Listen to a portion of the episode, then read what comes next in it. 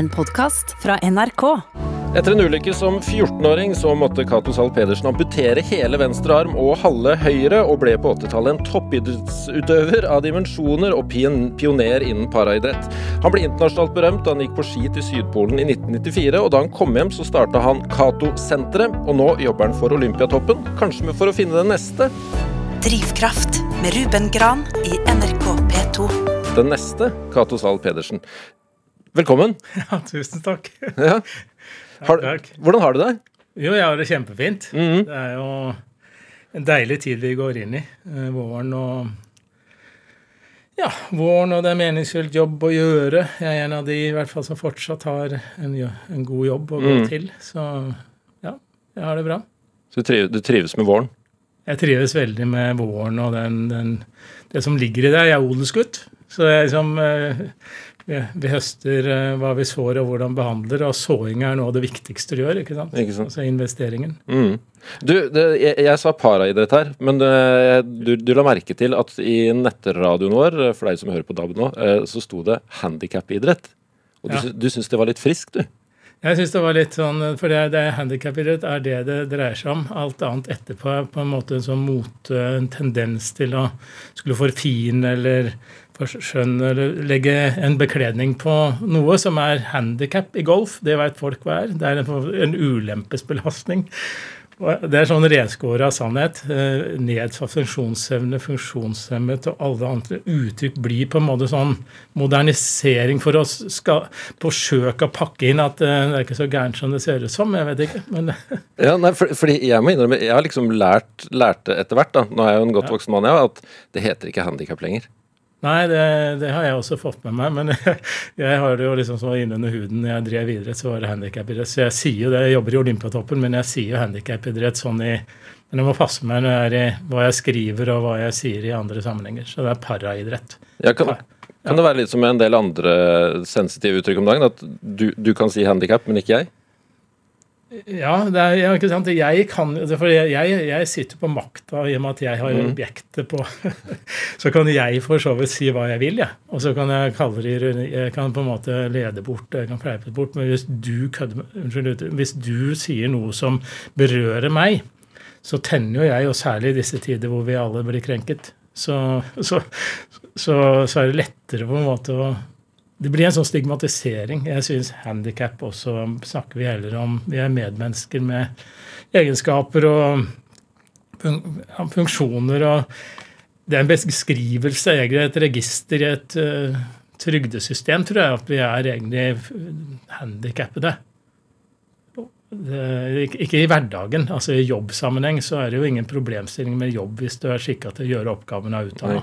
Mangler armer, har det noe å si, da? Men har det forandra seg mye? Altså, alle, alle begrepene, har det forandra seg mye de siste la oss si, 10-20 åra? Nei, ja, nei, egentlig ikke så mye fra handikap til det ble funksjonshemmet. Og så ble denne, så ble par, hva kaller du denne idretten, da, som ikke er handikapidrett lenger? Funksjonshemmedes idrett. Altså det, det blir i hvert fall vanskelig. Så Ja. det ble paraidrett. Ja. Men det, det bunner jo i bunn og grunn i at det før i tida så het det krøpling invalid. Medisinsk invalid. Det, ja. Det det, høres, det høres ganske Det er kjølige begreper. Ja, krøpling er det vel Det, er vel ikke, det har vel aldri vært greit? Nei. Det I- i er hvert fall ikke i vår vår Det levetid. var ikke i min tid, i hvert fall. Men jeg, jeg skal komme tilbake om det. Jeg har den historien nå, eller om jeg skal si det etterpå. Vi kommer kanskje inn til noe ulykke. Men jeg har en historie rundt begrepene der. Ja, vi, vi skal definitivt komme innom eh, en, en viss eh, ulykke. Eh, men altså, som tidligere toppidrettsutøver, er, er du en som starter dagen med, starter dagen med jog, jogging nå om dagen? Nei. Nei. Nei, jeg kan starte med et morgenbad. Men jeg har aldri vært sånn veldig sånn tidlig early bird på trening. Men jeg starter dagen med en skikkelig frokost. Og jeg liker å ha god tid. Og jeg er aldri for sein. Jeg står opp og nyter. Nyter å bare være oppe og ha god tid. Ja, hvor bader du da? Er det For du Jeg bor på Nesodden, da. Skoplefalltjern? Ja, det, nei, det er, det er, jeg bor nå ved, ved Steilene ut på vestsiden av Nesodden, okay. så Alvern. Så jeg har 400 meter ned til Alvernstrand. Har du bada i dag? Ikke i dag. Nei. For du gjør det hele året, eller? Nei, ja, jeg gjør det hele året, men ikke sånn jevnt og trutt. Men uh, nå har jeg ikke bada på et par måneder. Nei. Men trener du, trener du i hverdagen? Ja.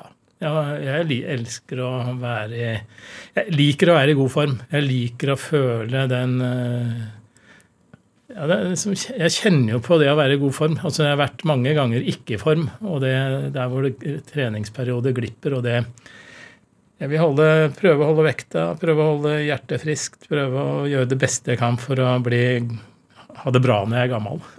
Og det begynner jeg å bli. Har du, har du Nei, du, du ser så frisk ut. Har du, har du tatt med deg noen vaner fra, fra tida som, som utøver i, i treninga di? Jeg har tatt med altfor lite vaner fra den der kjedelige styrke- og basistreninga, for det er, Ja. det er utrolig viktig for mennesker. Altså For å styrke liksom bånda, bardunene i ryggen og, og, ha en god holdning og sånn. Den, den type trening det er noe av det kjedeligste jeg gjør, og den har jeg litt for lite av. Men ellers så har jeg med rutine og forsøk. Liksom, variasjon, utholdenhet, litt sprint, litt bakkeløp. Altså prøver å gå sekk, randonee, alpint, seile litt, løpe litt, langrenn. Ja, alt som, eh, alt som gjør at eh, hjertet slår litt fortere. Og det, det liker jeg. Ja, det er en god variasjon du har der, i hvert fall. Ja, ja. Det er litt av en meny. Men er du, er du en av disse som, som sykler eller jogger til jobb? Ja, ikke minst sykler, da. Og der var jeg funksjonshemmet en periode der. Altså når du tenker på, når Jeg jeg hadde en, en sykkel, en minisykkel. Den hadde to gir. Den hadde bremsa, så skifta han gir. Den hadde to gir. Og så kom den hvor du skulle bremse med, med hendene Mm. og gire med hendene. Da er, he- da er jeg dobbelt funksjonshemmet. For jeg kan sykle, men jeg får jo ikke bremsa og ikke girt. Og så kom på en måte en elektronikk, for da kom Bluetooth, og så kan du få elektronisk giring. Og så kan, plutselig nå så, finnes, så sitter jeg på verdens kuleste sykkel og kan bråbremse 70 km uten å skli av setet, fordi jeg har en bøyle lagd av eh, Skeno, et spesialfirma som lager sykler for sånne som oss. Så nå sykler jeg ut i terrenget og bremser og girer og har 13-11 gir på automatisk eh, elektronisk giring. Men Sykler du til jobb, eller eh, tar du bilen? Nei, det blir, nei, jeg tar normalt fra Nesodden, så tar jeg båten. Og nå siste, år, siste året så har det vært hjemmekontor. Så, Men jeg, det hender jeg sykler til jobb, men jeg er ikke sånn veldig frik på det. Men dagjobben din, den er i Olympiatoppen? Ja, Ja. Hvordan, hvordan, hvordan er en arbeidsdag der?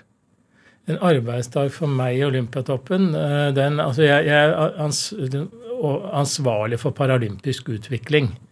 Det er ikke det er ikke sånt, men det er et område, i hvert fall en sånn rolle jeg har, å ha et, å- både et overoppsyn med å kjenne til i Olympiatoppen deres fagområde å utvikle både olympiske og paralympiske utøvere. Så, så jeg driver ene perspektivet og jobber med utvikling, og ikke som på individnivå, men litt sånn på tren, trener og, og lag og system og økonominivå. Planer og strategier. Og, og så er jeg sjef til Mission. Jeg planlegger, Det betyr at du er ansvarlig for troppen nå til Tokyo og topp, troppen til Beijing i, i mars. Så vi sitter som overordna ansvarlig med gode krefter i samhandling til å forberede at vi har tenkt på alt og gjort alt vi kan for at utøverne har den beste prestasjonspotensialet sitt eh, når, de, når de står på startstrekene sine i Tokyo. Det er sånn spennende langtids knotejobb og herlig jobb og, og detalj- og nerdejobb og store linjer-jobb. og det det er et fantastisk privilegium å få lov å jobbe med de olympiske og paralympiske periodene og bevegelsen på å prestere når det gjelder å trene godt i mellomtiden. og Være i den loopen der, da. Hva, hva er det som er knotete med det? det er Knotet er liksom alle de, særlig nå med korona-pandemisituasjonen, som stiller så veldig mange uforutsigbare krav til planlegginga. Plutselige justeringer. Det heter så fint som playbook, som er en sånn fellesanliggende på spillereglene for at vi skal kunne prestere i Tokyo. Hva vi må tenke på, hva vi nå må ikke gjøre, hva vi ikke kan gjøre, og hva vi må gjøre. Og det er ganske annerledes for utøverne, men også for oss som planlegger. Så det er det knotet med flybestillinger. Det skal være to ledige seter bak og to ledige seter foran når vi skal bestille fly internt i Japan. Det er en krevende oppgave. Ja, for Du skal til eh, Paralympics i, i Tokyo i august? Det er planen. Er, som ansvarlig for troppen så skal jeg Ja. reise et par dager før, det, før de fleste kommer, sammen med en engre gjeng til å s- gjøre oss, gjøre oss klar i Village i Tokyo City. Hvor mange norske utøvere er det som skal Det ser, Delta? det, det ser ut til å bli en, et sted mellom 15 og 18 utøvere. mm. Jeg så at du satsa på åtte medaljer til Norge.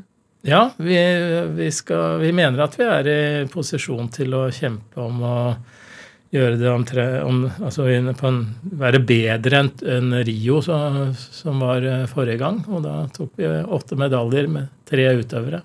Hvor, hvor er det Norge gjør det bra i, i eh, Sommerparalympics? Ja, vi gjør, vi gjør det jo bra i svømming, bordtennis, skyting. Eh, nå badmintons hele lovende ut. Eh, vi, vi gjør det bra i friidrett. Eh, sa jeg roing?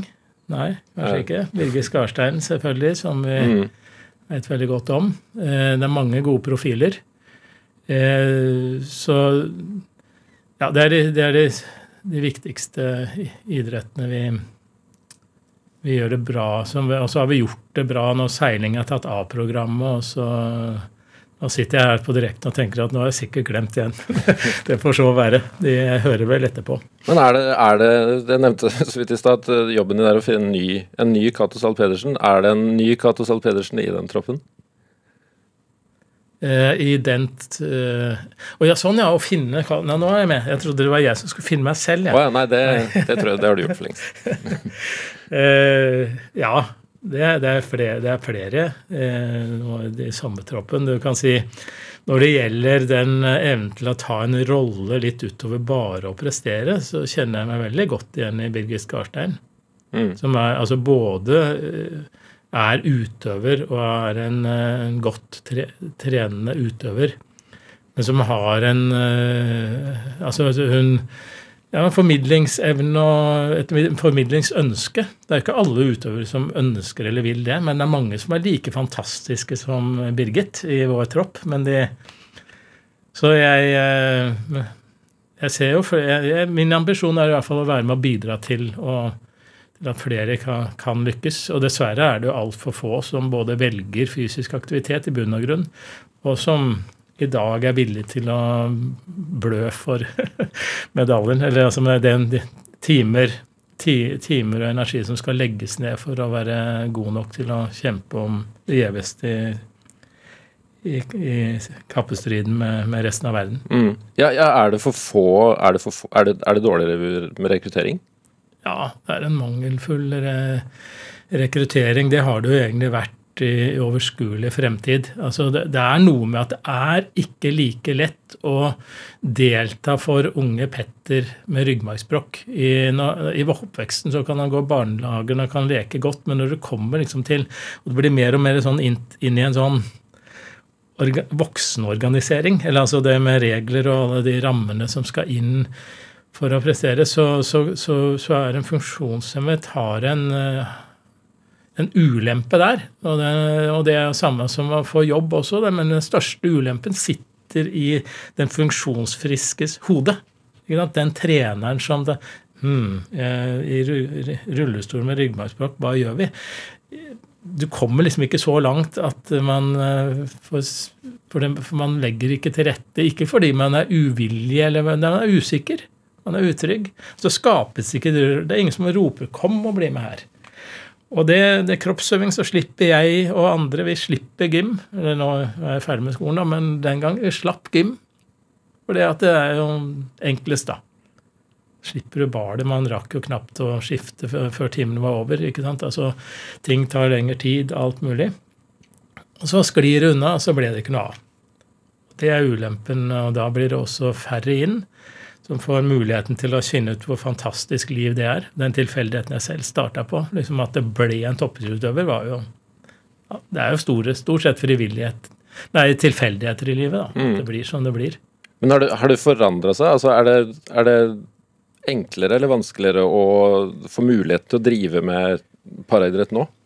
Sammenligna med da du begynte? Det er jo definitivt mye enklere nå etter at norsk idrett vedtok i 2006 å legge ned Funksjonshemmedes idrettsforbund, at den skulle inkluderes i alle andre særidretter og særidrettslag, eller altså idrettslag. Da betyr det at hele Norge er åpent, idretten er åpent for alle. Men det den juridiske håndvendingen der er jo ikke det samme som den praktiske løsningen. Så det er like vanskelig, kanskje om enn enda vanskeligere dag, eh, fordi at jeg opplever at stigmatisering liksom man er, man er, mer usikker i dag. Og nettopp var inne på dette her med krenkingene. Man er redd for å gjøre feil. Man er redd. Så man blir liksom sånn at man får ikke startet, og vi er ikke nysgjerrig nok til å komme igjen og sette i gang og se hvordan vi tilpasser det. Det skal være kursing og tilrettelagt og til universell utforming. Alt andre rammer er 100% til stede. Men vi står igjen med det møtet og tilretteleggingen på arenaen. Altså liksom Ja, oi, uff, nei, dette var krøkt. Jo, kanskje hvis vi kunne prøve med noe teip og stramme opp den der køllerackerten din i, i klippa, så glir den ikke så lett ut. Det var sånn det startet med meg i bordtennis. Det var jo ducktape. Ble norgesreim etter hvert, da, for den kunne brukes flere ganger. Men eh, det var liksom det, Og så kunne jeg være med på likeverdighet, bare, bare jeg fikk liksom den lille tilpasningen. Hva kan man gjøre med det nå for å ja, nå, bedre det? Nå er vi inne i store Vi kaller det paradigmeskifte. Eh, det er et ambisiøst ord, men vi, vi, vi er iallfall i en ferd med å jobbe ut en, en parastrategi. En, eh, for å gjøre enda mer av det helt nødvendige, og det er de gode treffpunktene i der folk bor. For det er jo ingen andre steder enn i idrettslaget i den grenda der hvor det er en funksjonshemmet gutt eller jente at det drives en mulighet til å få lov å være med her. Og da må vi snakke med kommunen, for det er kommunen har innbyggerne. Det er ingen andre enn kommunen som har innbyggerne, som har en form for ansvar og tilrettelegging. Så må vi si helse, omsorg, skole, kultur, idrett. Skal vi gå sammen og se, identifisere altså Skal vi gjøre en kampanje, på en måte? Skal vi gjøre et trøkk på å få med oss funksjonshemmede inn på idrettsarenaen? Idretten vil jo det er jo ikke det at man ikke vil, men man er mest av alt bare at man ikke kanskje har satt det nok i system, og kanskje man skulle ha sett på hva er det som skal til. da. For det, tre, det krever mer. Det krever at jeg har en som kan hjelpe meg. Jeg får ikke på meg alpinstøvler sjøl, jeg. Jeg er, verdens, jeg er, ikke verdens beste alpinist lenger. Jeg, altså jeg er en alpinist, jeg er en sydpolfarer som ikke greier å kneppe skjorte. Altså jeg får jo ikke knytt skolissen min. Jeg trenger jo hjelp til alt. Men når jeg bare får den lille hjelpen, så er jeg selvhjulpen. Da er jeg aktiv. Da er jeg den samme utfoldende personen som alle andre som elsker å gjøre den aktiviteten vi driver. Men den tilretteleggingen, ledsaging i blinde, den som trenger skytterlading fordi at du er funksjonshemmet som ikke har evne til å skyte eller til å lade, klare å lade sjøl, da trenger du en assistent. Og den assistenten ligger under kommunens rammebetingelser som Du har ikke så mange timer tilgjengelig til at du kan få trent som skytter. Og det er så eh, diskriminerende. Det er så langt fra likestilling at liksom assistentmidler ikke kan dobles for at personer kan delta i Paralympics uten at du skal gå via stiftelser eller via andre forordninger for å finne løsninger. Men vi bruker 80, altså vi bruker så mange milliarder i året på at folk ikke skal gjøre noe. Altså Det kalles en sånn uførepensjon, som er en, redd, på en måte en løsning for ikke å gjøre noe. Men hvis man vil gjøre noe, så er det veldig vanskelig å skape den tilretteleggingen. Og det tenker jeg er en utrolig Det provoserer meg litt i dette samfunnet. Altså liksom vi være over 60 år og 40 år siden miste armene og kjenne på at det er, det er fortsatt så baler vi med det samme, altså. Burde du vært politiker, eller? Jeg burde vært eh, Ja. Det er alltid rom. Altså, jeg mener, jeg, ja, jeg, jeg, tenker i hvert fall at det, det sier jo Det har jo sagt til meg mange. Eh, burde det, Men det er noe med politikken, den tålmodighetsprøve. Altså, jeg er litt for Jeg forventer litt raskere resultater. Det vet jeg ikke. Men eh, ja. Du hører Drivkraft i NRK P2.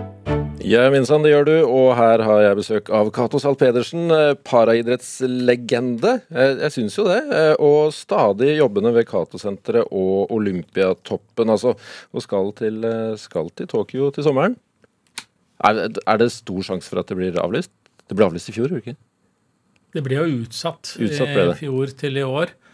Og jeg, jeg skal ikke spekulere på noen ting. Jeg jobber for at det blir OL og Paralympics. Altså Jeg jobber med forutsetning at det er sagt at de gjør det. Jeg hører stadig rykter og stemmer og alt, men det er nest, altså det, vi, Jeg ser på det som uh, høyst sannsynlig at vi skal dit, men hvordan innsettingen blir, og hvordan disse playbook, disse spillereglene, endelig blir, det vet vi ikke. Nei.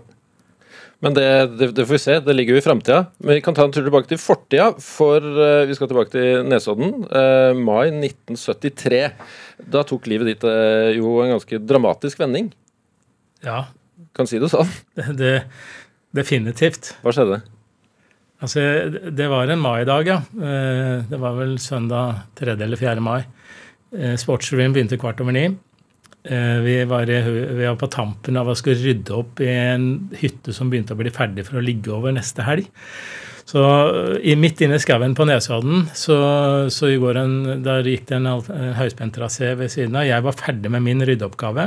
Du var 14 år da, ikke sant? var 14 år og vet jo at den der høyspenten er livsfarlig, men, men det å hoppe fra disse trinna, det var liksom ikke så Det var ikke farlig. Og så var jeg liksom Det oransje lyset fra Oslo som stiger, som, som, som skinner også med hjelp av Oslofjorden imellom, som skinner opp i treleggene inn i skogen der. Så det var en sånn fantastisk maikveld med litt sånn eh, fuktig luft og, fi, og finvær. Og så, ble, så jeg hadde lyst til å klatre opp i masta for å se på utsikten inn til byen. Ung, ung romantiker? Ja. Klatre jo da eh, litt for høyt, da. Jeg, jeg husker jo ikke Det var jo ingen jeg skulle tøffe meg for. Det var jo ikke noe annet enn jeg skulle egentlig bare klatre opp en mast og se. Og mer husker ikke jeg. Men jeg har jo da kommet for nær 17 000 volt, men ikke tatt på noe. eller for det, det slo inn sannsynligvis en meter fra pga. fuktig luft. Så, så 17 000 volt slår inn i venstre skulder og ut i høyre underarm. Heldigvis takket være, ikke gjennom beina, takket være jeg hadde gummistøvler som mor hadde beordra på meg. Jeg elska å gå i tresko på den tida. Det, det endte med gummistøvler og redda beina. Falt ned og overlemte om enn noe amputert. Falt ganske høyt òg. Du var høyt oppe, var det? Ja, det var jo sånn åtte-ti meter, ja. Så, men jeg er ikke en skramme fra det fallet. Nei. Så det var gummistøvlene som, som redda, redda livet? Ja, i hvert fall, eller redda beina. Man vet jo aldri akkurat For hjertet mitt var jo, Jeg var jo relativt sånn ungdommelig bra form, så jeg tålte den smellen, da. Men, eh, men hva som hva som hadde skjedd hvis jeg ikke hadde hatt gummistøvler, det vet man ikke. For det er noe med at strømmen går uansett bare rett frem. Altså rett igjennom. Den bare, den den tar kjappeste veien, ikke Den sant? tar kjappeste Ja. veien. Men du var der, du var ikke aleine der, du var der med venner? Ja, vi var jo, vi var jo flere venner. Vi var en fire som holdt på å rydde den som rydde ut etter en helg med jobbing for at vi skulle ligge over eh, helga etter. Så, så de, de så jo bare Etter hva jeg blir fortalt, så det, bare det lyser jo opp. Et lyn, ikke sant? Treffer, strømmen treffer kjøtt og blod hos Pedersen, og, det lukter jo svidd. Og, og han ligger der i dyngen. Og Geir husker jeg han var et par år eldre enn meg. Han hadde Røde Kors-kurs. så han, han tok ledelsen og kommandoen, og så sendte han gutta, løp til mor, løp til nærmeste hus, ring etter lege. og ja. Høres ut som årvåkne, årvåkne, Det var årvåkne venner. venner. Mm. Ja. Men hva, hva er på en måte det første du husker etter, etter eh, ulykka?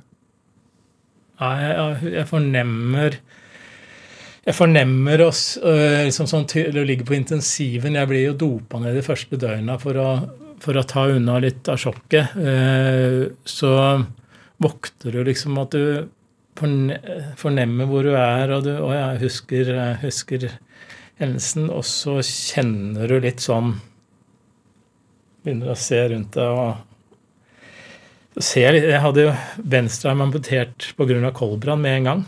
Eh, og så høyrearmen, den hadde med stort krater av et sår oppå høyre underarm. Og strømmen hadde gått ut, så de prøvde å redde den ved å sy den inn i maven. Eller altså inn og inn, men altså det, sånn at du får blod, øket blodsirkulasjonen. Eh, så jeg lå der og kjente at jeg så som en mu- mumie og følte meg som en mumie. Og, og det altså, jeg, lever Og ja, det Jeg så jo ikke da om jeg hadde armer eller ikke. Men jeg, min første fornemmelse var at jeg var glad jeg lå der og, og kjente at jeg i hvert fall ikke hadde noe smerte eller ikke hadde noe sånt. Men etter hvert så fikk du jo kunnskapen om at armene var gått. Hva tenkte du da? Jeg husker ikke jeg akkurat, altså den, den første tanken der. Men jeg ble fort, jeg ble veldig fort øh, en praktiker i dette her. Pragmatisk. Altså, det er mist Jeg må jo fortelle altså Bestefar min, han var jo bonde. Jeg skulle overta gården etter han på Nesodden. Eh, faren min han var bilselger og var ikke så interessert i den typen der. Og, jeg, og, og han, han kom han kom til, eh, på besøk 17. Eh, mai. Det var jo da ca. 14 dager etterpå. Da hadde han tid, for da kunne han jo ikke jobbe. I ånda, vårånda, så sier han til meg, litt sånn på, på tomannshånd Du, Cato, pass på så du ikke blir en av de som vi gjemte bort før i tida. Altså Da sikter han til krøplinger, invalide, som, som, han var kjent med at de ivaretok en del av på bl.a. På, på gården. andre, forpakta Sundby gård eh, under krigen. Eh, og, og, så, eh, og, så, sa han at eh, Og så bruker du Nå må du begynne å bruke huet, og så overtar lillebror bruket, sa han. Og da begynte jeg å grine. Og så tenkte jeg at fy fader, så riktig sagt, eller så klart og sydlig, og takk, bestefar. Skjønte du det da, da han sa det? Ja. Ja. Altså, da, da, ble jeg liksom sånn Ja, det er sant. Altså, det Da glapp på en måte den eh, Du trenger armer. Altså, I dag kan du kjøre mye elektronikk, automasjoner og alt mulig sånn, men, men, men så var, hadde jeg også en bror som var kanskje mer nærmere å kunne ha emnene, da, og innerst inne kanskje enda mer eh, interesse. Han driver det bruket i dag. Nå er ikke det så store bruket, så nå, han, han, ble blikkenslager, og han forpakta bort jorda etter hvert. Men um, men, det, er, men det, er, det, ble en sånn at bestefar sa det. Det var stort, altså. Jeg takker så eh, bestefar for det at han gjorde, for det var så få stemmer som sparka meg bak. Ja, Hvordan, eh, hvordan takla foreldrene dine dette her? Nei, mor takla det ikke i det hele tatt. Eh, altså, sånn på, det ble så sorgfullt, og det gikk aldri over. Det var gråt, og det var stakkars hele tiden. Og jeg ble på en måte Du blir jo det altså, som 14-åring. og Du elsker moren din, men du blir litt lei òg, da. For jeg, gråtinga var jo Jeg gråt, jeg òg. Men det var jo noe med at vi må jo søke eh, Det kommer aldri noen armer ut igjen. Det er sånn. Og da blir det jo litt sånn at så, så, eh, da, da, ble jeg liksom at jeg, Mor kommer jo hver dag, og jeg tenkte at hva skal jeg si til mor? Mor, i dag så har jeg lyst til å si til deg at det vokser, det, ja, det vokser aldri noen armer ut på meg. Og så tror jeg vi skal konsentrere oss om at jeg holder 37 grader, mer enn at jeg savner ti fingre. For Det er en sånn grei taktikk, da, nesten en livsstrategi. At søk og kjenn Altså, hva vil du med livet? Mer enn alle de lytene du hele tiden feiler særlig lyter opp mot ja, altså gjennomsnittet, på en måte, eller den derre normalen utenpå. Plutselig var jeg en armløs. Ja, who cares, altså? Ja, det, jeg hadde ei altså, i går som sa at eh, det gjør ikke vondt før man kjenner etter. Ja, det, kan du kjenne igjen Ja, definitivt. Det er, litt sånt, det er et sånn toppidrettsutøver også. det at du må altså når når det, er flere som sier det, hvor vondt du egentlig har det når du driver og presterer på topp. Altså i den øvelsen du har trent for. Det er så vondt. men Det, det, det er jo melkesyre av strutter og alt, men det er jo det du er på en måte Det, det må til, det. Skal du på en måte lykkes med det. Men hvordan, hvordan møtte skolen og venner og sånn eh, den, den nye ja. Cato Zahl Pedersen? Det var også det fine på en måte at jeg opplevde at det var så mange gode voksenpersoner. Kanskje også fordi forsterka av at de så at mor hadde det veldig vanskelig. Mor var jo en tøff syd finnmarking som liksom døtta meg nesten utfor stupebrettet for å lære meg å svømme. Eh, når jeg skulle passe på lillebror på stranda, liksom, så måtte du må lære deg å svømme. Pass på lillebror. Mens jeg soler meg. Var, hun var ganske sånn, sånn ja, røff finnmarking-dame. Og når jeg mista armene, så ble det så fjetrete, og så ble det sånn at du liksom får ukepenger uten å gjøre noe. Du, Og det så nok omgivelsene òg, sånn at liksom læreren og tok med klassen på besøk og kom med kassettspiller, og, og jeg fikk svart-hvitt-TV, reise-TV og eh, fra ja det, ja det, fikk jeg fra familien, men jeg fikk så mye, og fra korps og dirigenten som sa at du skal tilbake og spille Du skal fortsette i korpset, du, Cato. Du skal ikke spille trombone, men du skal spille stortromme. Det bestemte han, på en måte, for han eh, så at jeg kunne Jeg burde holde på med noe. Og mor ville nok kanskje sett at Cato burde slippe korpset nå. Og det er det, Du må ikke slippe, du må ikke gå i den fella og prøve å gjøre leksene til ungene dine, eller prøve å gå foran og, og rydde opp, rydde løypa. Det er liksom det, altså det, den, den, feilen der det, Du trenger de som sparker bak. Kom igjen! Forventninger og krav er livets rett.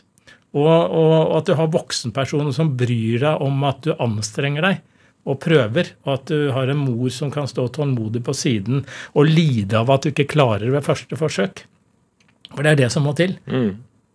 Men du, du, var jo tidlig i tenåra, 14 år. Hva gjorde den ulykka med modninga di, tror du? Ja, jeg, jeg ble jo kjempemoden. Altså, jeg var jo en umoden kar som hadde liksom noen og gemin. Og blåste litt i skolen. Jeg var litt, sånn, litt mer sånn på det praktiske. Mm. Og litt om å skal du overta, kjøre traktor, liksom. Hva er det du trenger, da? Eh, så jeg jeg ble jo veldig moden et år før konfirmasjonen, for dette var jo, dette var jo som 14-åring. Eh, eh, ja, som 14-åring. Jeg konfirmerte jo året etter, eh, på samme maidagen. Og var, da følte jeg at jeg hadde vært igjennom konfirmasjonen på en måte, gjennom ulykka. Jeg hadde da bestemt meg at dette her skulle jeg få til. Dette skulle gå. Jeg hadde gode venninner venninnene mine på stranda med, med T-skjorte på, og jeg med T-skjorta på, for jeg turte ikke å ta av meg, for jeg syntes det var så fælt med arret jeg hadde på magen. Og så sier jeg men er det ikke jævla, unnskyld, er det ikke veldig varmt å sitte med T-skjorte, eller skal du ikke hive T-skjortene? Nei, ikke før du gjør det. Så liksom, jeg hadde jo på fordi at det var sånn ville jeg ha det. Men det ville de òg, helt til jeg tok den av. For det, liksom de, de, de tok en motdemonstrasjon, da. Mm. Og da blir det at jeg også tar med og så får vi se litt ut som vi gjør, da. Det er jo Armer og bein er jo uansett kjempeoppskrytt, og noen er kjempeflinke med det. Andre får ikke til noen ting, og det er mye å få vondt i, og det er mye som man baler med med, så, med sånne armer. En sånn klype som dette her er grei, praktisk til å gjøre det meste, og så kan du ha gode medmennesker til å hjelpe deg med det du trenger. Og det har liksom vært litt den inn innstillingen min da, gjennom sykesenga å leite frem lesepinnen. Sykepleier Else som sa at, som sa at jeg spurte, om, uh, spurte alle sykepleiere kan du hjelpe meg å bla om. Jeg lå der og leste. Det lå masse, jeg lå i to måneder på enerom. Når du skal bla om uten armer, så er det vanskelig. Når du heller ikke får bøyd deg frem pga. mumifiserte kroppen. Så lå, lå du der, og så, og så prøvde du å anstrenge deg for å få bladd om, og så gikk det ikke, og så ringer du etter sykepleiere. Og så sier Else dette er for dumt. Her flyr vi frem og tilbake med huggerne høner for å hjelpe deg med noe så enkelt som å bla om. Vi har det andre og viktigere ting å gjøre på kirurgisk avdeling, sa Og så sank jeg gjennom madrassen, og så tenkte jeg bitch, kan jeg bytte ut deg? Men det er Else jeg ble glad i. Det er Else jeg snakka mest med når vi kom over den at den bitchen der vi må være litt mer bitch. altså. Vi må være litt, Og det er det som var grunnlaget i CAS-senteret òg. At egen mestring i rehabilitering. Så Else hun la an det sporet til at da, da fant hun og jeg sammen lesepinnen. Det var en pinne som gjorde at jeg rakk fram med fingerbølle i den ene enden til å bite i og, dra, og kunne bla om på egen hånd. Det var kjempefremskritt for unge Pedersen. Men det fantes i butikken, da. Skulle kjøpt med en gang, men da hadde du mista hele prosessen. Ja. Du kan søke på internett, kan løse alt. Ja, få ryggsekken full med hjelpemidler, bare få det på plass. Det kommer ikke til å skje én lykke Altså, det er, det er ikke det vi trenger, vi mennesker. Vi trenger kanskje mer av den å finne veien sammen med noen og jobbe, altså jobbe liksom med hodet og prosessen til å ja, til å mestre livet, mestre de situasjonene vi står i. Stilles. Vi- vi- gi meg en lykkepille, så det går over. Gi meg en uh, vaksine. Men syns du generelt det stilles for lite, for lite krav til folk eller ungdom eller barn, uansett funksjonsevne? Nå må jeg passe meg. Nå fører jeg som bestefar, da. Det er liksom ja. ja men jeg vil si Altså, jeg, jeg kan jo synse, da. Jo, men jeg, jeg mener jo utviklingen er jo at jeg ser at det er for lite forventninger og krav. Eh, Det er noe av den derre at vi lar ting skli. Altså, jeg ser jo en del uttrykk i samfunnet som vi kunne ha vært litt mer med litt mer orden og litt mer sånn Altså, hør her. Jeg hører hva du sier, men, og det er litt, der kjenner jeg meg litt i Katsenteret, at jeg gjerne vil ha den Ja, du har kanskje den trua nå, og det er det, det, sånn må du ha det, sier du, og det går ikke, sier du. Men du tar, det, du tar feil. Bare vent. Så skal vi du, så det med foreldrerolle, andre roller Jeg syns vi kanskje sklir litt på at vi legger litt for mye til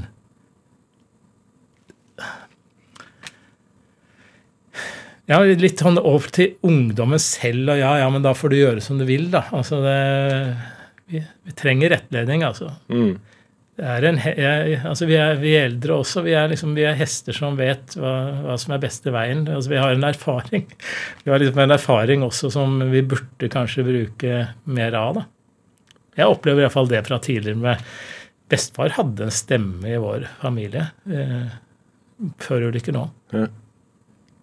Hva, hvor, hvor viktig er humor for eh, den rehabiliteringen du gikk gjennom? Altså Humor er jo en form for eh, på den positive siden, og som går over til å liksom da kunne sette det, prosjektere det til liksom å kunne le eller til å smile til situasjonen. Og det er jo tro, det er grunnleggende viktig. Ikke at det skal bare bli sånn altså galgenhumor, det bare blir latter og fjas, og du, du på en måte skjuler dilemmaet ditt bare ved å le, le til det hele tiden. Men liksom å se til den derre det å kunne le til den tålmodighetsprøven det er å leve resten av livet i den situasjonen man har, det det er jo det, det er på en måte litt bensin eller olje i det maskineriet da, til å kunne til å stå, stå i det. Og ja, et hjelpemiddel i kommunikasjon òg. For da har du nøkkelen til kanskje å nå frem til en når du skal søke jobb som en arbeidsgiver. Hvis du er litt sånn stum og bare tenker på at bare, nå må jeg bare svare korrekt på det neste spørsmål istedenfor å slå en plate eller liksom du, altså, hva tenk, altså den derre å forsøke å innynde deg til motparten, da, eller medparten. Uh, ja, jeg har litt sånne eksempler av det fra jobbsøking osv. At jeg tror det er viktig å by på seg sjøl i kommunikasjonen for å vise frem en annen side enn at du resten av livet er armløs, altså. Jeg er, ikke, jeg er Cato. Mm -hmm. for du har jo vært rundt omkring eh, og, og tulla med egen kropp, eh, kan vi vel si. Hvor, hvor Ja. lang tid tok det før du var klar for å gjøre det? Nei, det tok jo veldig kort tid, da. Jeg, opplevde jo altså den litt den tulle, Den var ikke så tullete, men litt eh, Det, det starta jo med at altså, jeg vil gjerne leve og smile til livet enn å bry meg med savn av fingrene. Og da blir, og møtte jeg Tom Nortvedt, som lå på sykehuset sammen med meg på Lørenskog. På Ahus, som det, altså SIA som det het den gangen. Han var fra Trondheim. Han hadde samme dagen som meg vært utsendt for en høyspentulykke i Trøndelag. Og vi havna på samme rom etter hvert. Og da var det mye. Han hadde mista ett bein og én arm, og jeg begge armene. Og da hvordan vi fleipa både med pleiere og med oss sjøl. Så var det en sånn befrielse i det. Eh, Så for meg så, så leter jeg etter anledninger og, eh, til å liksom kunne sette sånn ja, litt sånn lystig eller lyst perspektiv på dilemmaet, da. Har du fått noen negative reaksjoner eh, når du har tøysa? Nei, ikke sånn. Ikke jeg. Nei, jeg, føler, nei, jeg kjenner ikke at jeg, jeg har ikke jeg har ikke kanskje dratt det så langt heller. jeg vet ikke. Det er, mer, det er andre som har tøysa mer med meg. Sånn som Russ er jo fantastisk til å ikke ringe til Cato. Eh, Eller hvis Cato ikke svarer når han kjører, så er det fordi han er i en sving eller noe sånt. Altså at du ikke får tatt telefonen Nå er det jo handsfree, da. Så nå, men det er liksom, det, det, de, la- de lager jo veldig mye, og det kan jo og det kan gå på øh, onanering for den saks skyld også. Liksom, du kan trekke det så langt du vil. Og, øh, og så, så det, Ja, ja, det får, artig at dere tenker på meg, eller at tenker på hvordan jeg har det. Altså at dere kan treffe så riktig eller, eller så feil, og le til det. Hvis det, du kan ikke gjøre Den beste han, forsvar òg er vel egentlig å Du kan ikke liksom bli sinna på å bytte ut mora di, eller kan ikke bli kan ikke bli forbanna på russen, eller kan ikke på, men du må kanskje skjønne 'Å ja, du er interessert i meg, ja'. Vi kan snakke sammen om det. Vi kan trekke det litt nærmere. Kanskje du skal tenke litt over også at du kanskje kan moderere det litt til en annen gang. Ja, for det kan bli for drøyt. Av og til kan det bli litt drøyt. Ja. Eh, men du, Cato. High five. Drivkraft i NRK P2. Kan du ta Peter, var det over streken? Nei. Nei. nei, nei. Jeg måtte prøve. Nei, jeg, nei, jeg, ja, nei, jeg tar jo high Du, du rakk opp Bare eh, ikke gi meg stein, saks, papir, så, så skal jeg være med på mye, jeg.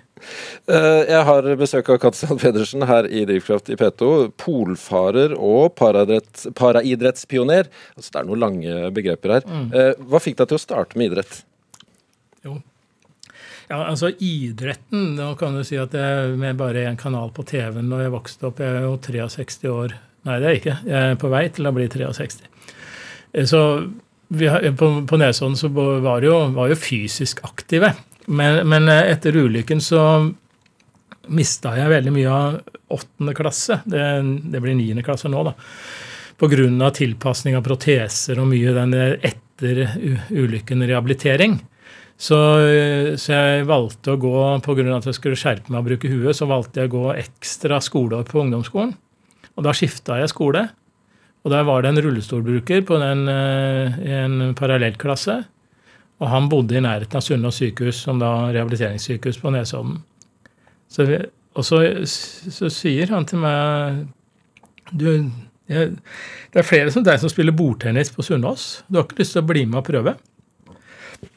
Og så inviterer jeg meg til da Sunnaas handikapidrettslag, som det het. Hun drev eget handikapidrettslag på sykehuset.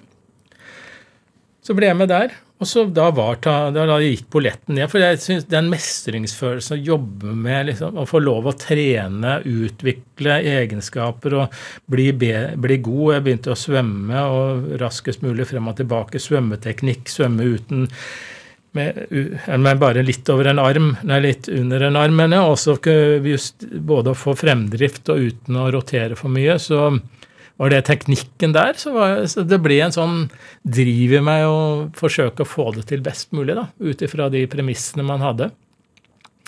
Så det, var denne tilfeldige møtet med hvor Ty spør meg om bli med her. da.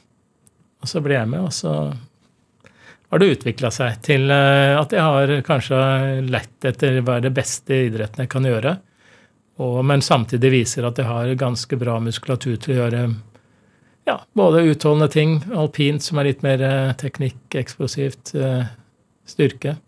For du har jo drevet med mye, Ja, og, og ganske forskjellige Ja. Jeg har det, men nå var det øh, mange altså Det var jo drevet av en lyst av å bare få til best mulig utvikling på områder jeg kom borti. Da. Så, så i dag ville jeg nok vært mer selektiv. Jeg, det var jo ikke trenere da som stoppa meg og si at nei, jeg tror du skal bare De kapra om at alpintreneren ville ha meg med, og langrennstreneren ville ha meg med. I dag ville man kanskje satt seg ned og snakket litt mer sammen om hva man burde, det, det valget for eh, satsinga videre. Men den delen, av, den delen av idretten er jo mer profesjonalisert også etter at den kommet inn i Olympiatoppen. Men jeg trente timene tidligere, men, eh, men det var jo kanskje ikke den samme kvaliteten, da. Og i, ikke minst i valgene. Jeg skulle ikke være drevet langrenn og alp. Ja, det var bare første året. Men eh, langrenn, alpint og friidrett, det ble en slitasjeproblematikk. Ja. Hvis du skulle, Unnskyld, hvis du skulle valgt nå, i ettertid, da, og én idrett du skulle fokusert på, hva, hva ville du gått for da? Ja, da ville jeg gått for alpint. Men jeg kunne i hvert fall ha løpt ved til sida. Jeg elsker å løpe og elsker å slite meg ut, på en måte. Men, eh, men akkurat den alpinkarrieren og det, det, som ligger i en alpin utvikling, med den, der, den kompleksiteten det innbefatter, og, i hvert fall det, og med dagens carving-utstyr, så er det på en måte Ja, det, det skulle jeg valgt om igjen. Mm. Hadde, hadde, du noen sportslige forbilder i starten? Ja, Grete Waitz. Veldig tidlig. Mm. Jeg husker, for jeg, jeg løp jo Jeg var jo med i mitt første Paralympics i 1980. Og jeg husker jo henne i gjennombrudd eh, som jeg starta i New York Marathon, og hele hennes langdistansekarriere som langdistanseløper kvinne. Den, den frontfiguren hun var. Og så var vi etter hvert også da på Det ble jo også en forsterkning, for vi var på samme sponsor på Adidas. Og jeg møtte henne, og ja, Jack og Grete var jo forlovere etter Mert og jeg gifta oss i New York, et, dagen etter New York Marathon i UN Chapel. Da hadde vi begge løpt maraton, og, og, hun var forlover til eh, kona, da. Og, og, og Jack til meg. og hadde masse herlige norske løpere på, i, i kapellet. Nei, det, det, det forbilder er jo viktig sånn, hvem man strekker seg etter. Bestefar var et forbilde òg. Høre på hans historie fra 1930. Altså, født, nei, altså fra 1930 òg, men fra krigen i 1930. Men han var født i 1900. Altså gjennom hele å selge å Reise til Oslo for å selge grønnsaker og bruke dager på det, liksom. Altså hele den der forståelsen av tålmodighet og motgang. Liksom, for jeg, det, Du føler jo en veldig motgang, og det går så tregt, og du skulle gjerne gjort det så raskere. Hadde jeg bare hatt ti fingre nå, hadde det bare vært over. Ikke sant? At vi ønsker oss tilbake. Vi, kommer, vi skal frem. Vi lærer noe av den motgangen eller den, det vi er i. Hvis du ikke står denne øvelsen nå, så viser det overfor en fremtidig arbeidsgiver hvilken tålmodighet hadde du? Altså, ja, jeg, jeg, tenker at, Nå snakker jeg litt sånn indirekte nesten i den pandemien vi sitter òg, da. Liksom at vi, at vi Nei, nå må det gå over, nå må vi være ferdige, for nå kommer solen, og vi skal ut og drikke øl sammen. Du, vi er i verdens Altså, vi er, vi er midt i noe som er kjempealvorlig det er som å tenkes for en armløs at du ikke erkjenner at du mister armene. Du håper at det bare er en drøm at de kommer tilbake i neste sving. Det å gjøre tuklete for deg altså i livet. Mm. Det, det, legger en ekstra belastning på egentlig den hva du burde tenkt, og, og hvilke alternativer har du. Og det går an faktisk å ta tre-fire stykker og dra på myra på skauen og ta seg en øl og sitte og prate. Du må ikke dra ned i byen og sitte trengt. Altså det, man kan finne løsninger innafor Det ser man jo også, da, men jeg, jeg syns det er kjempeartig å se alle de som lager Du blir kreat, altså løsningsorientert. da. Mister du armene, så må du fader meg begynne på nytt.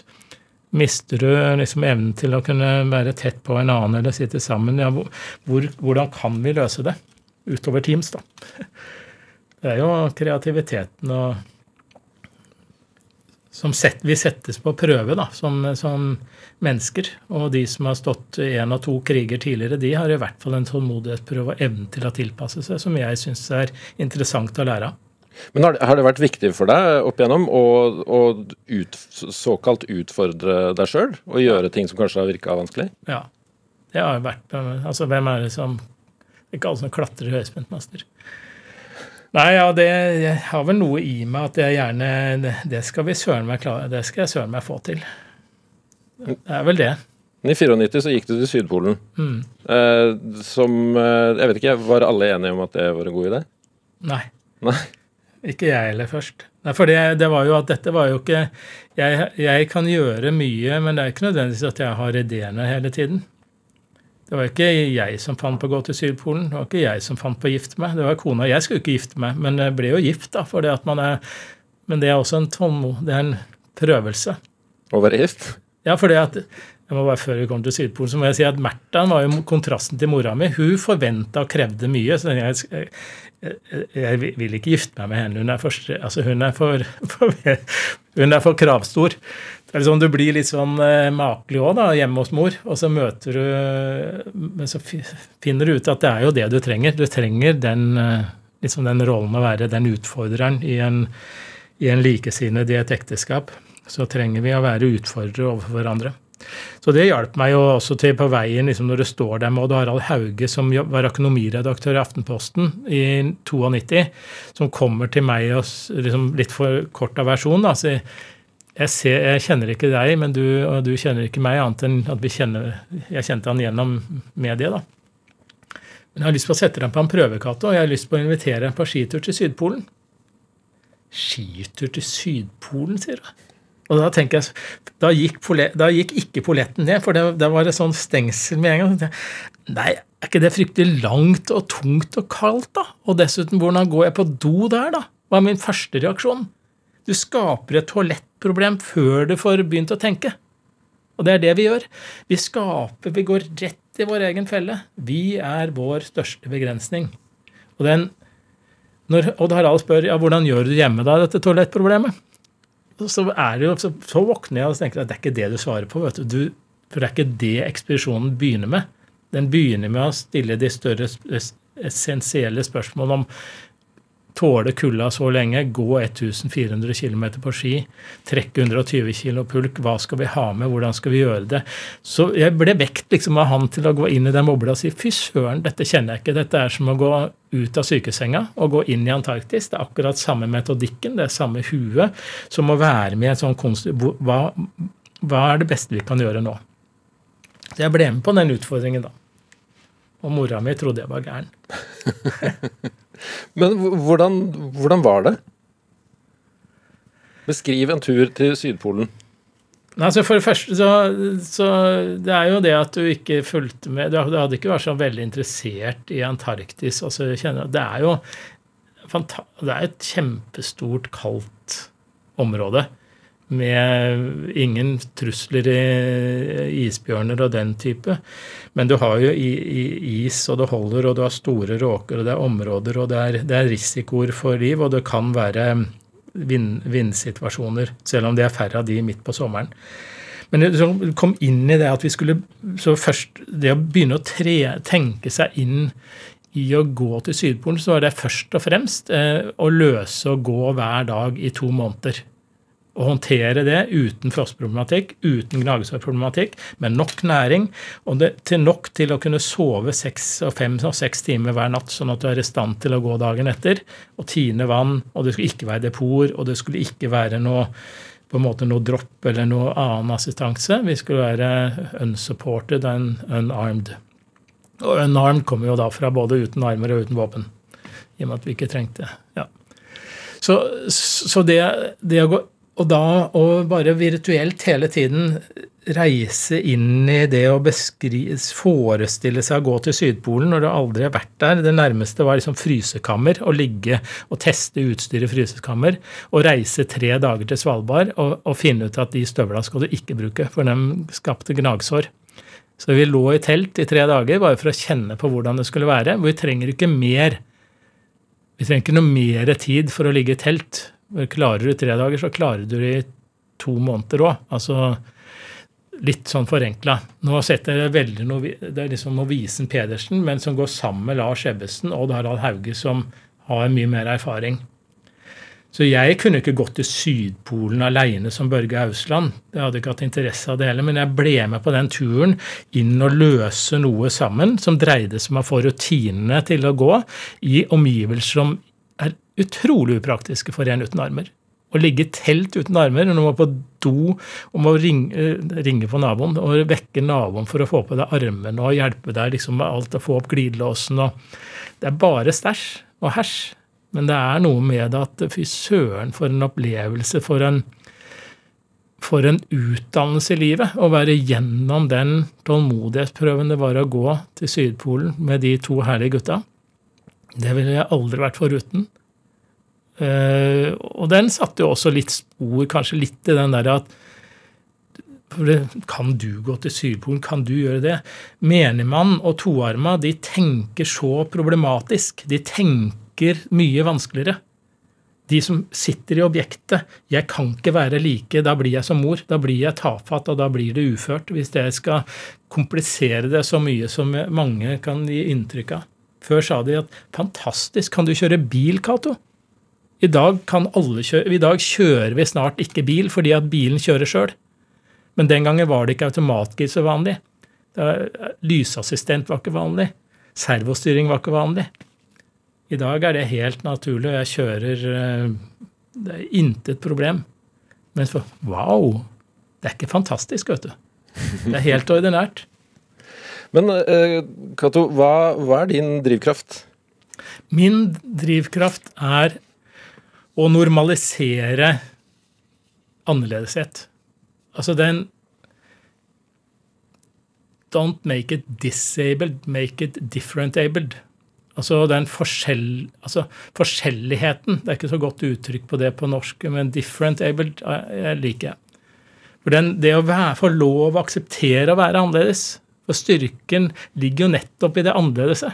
Hvis alle skulle sette ut akkurat likt. Det, er noe med, det er forskjell på programledere også. ikke sant? At, og, og det, er liksom hvordan, hvem, hvordan snakker vi Det er en unik det, skapes noe unikt fordi at det er, et, eh, det er to objekter som er unike. Hadde du satt det mest polariserte til å snakke sammen på samme måten, så er det ikke sikkert det det blitt kanskje, altså, Jeg vet ikke, men det hadde blitt noe helt annet. Så det å se det å få lov å ha en armløs inn i et arbeidsliv Jeg fikk jobb Gjensidig fordi jeg utfordra arbeidsgiveren, og så sa jeg at du, er det noe du kunne tenke meg å spørre meg om knytta til å utføre oppgaven? For du har ikke spurt meg om det til nå. Altså hvordan du håndterer klypa og sånt. Og jeg tror nok at de tenkte på det, de som ga meg avslag. På ellers gode karakterer. Og så sier ja, og så sier jeg jeg kan gjerne forklare deg liksom hvordan jeg har tenkt å gjøre oppgaven, hvis du lurer på det. Og så gjør jeg det. Og da plutselig får jeg invitasjon til å få jobben. Fordi at da senka han skuldrene, og så sa han det var godt du tok opp det spørsmålet. For det lurte jeg på. Og resten av historien, si. Du, ja. Cato Zahl Pedersen, tusen takk for besøket. Jeg har vært Ruben Gran. Ha det godt. Vi hørs. Du har hørt en podkast fra NRK. Hør flere podkaster og din NRK-kanal i appen NRK Radio.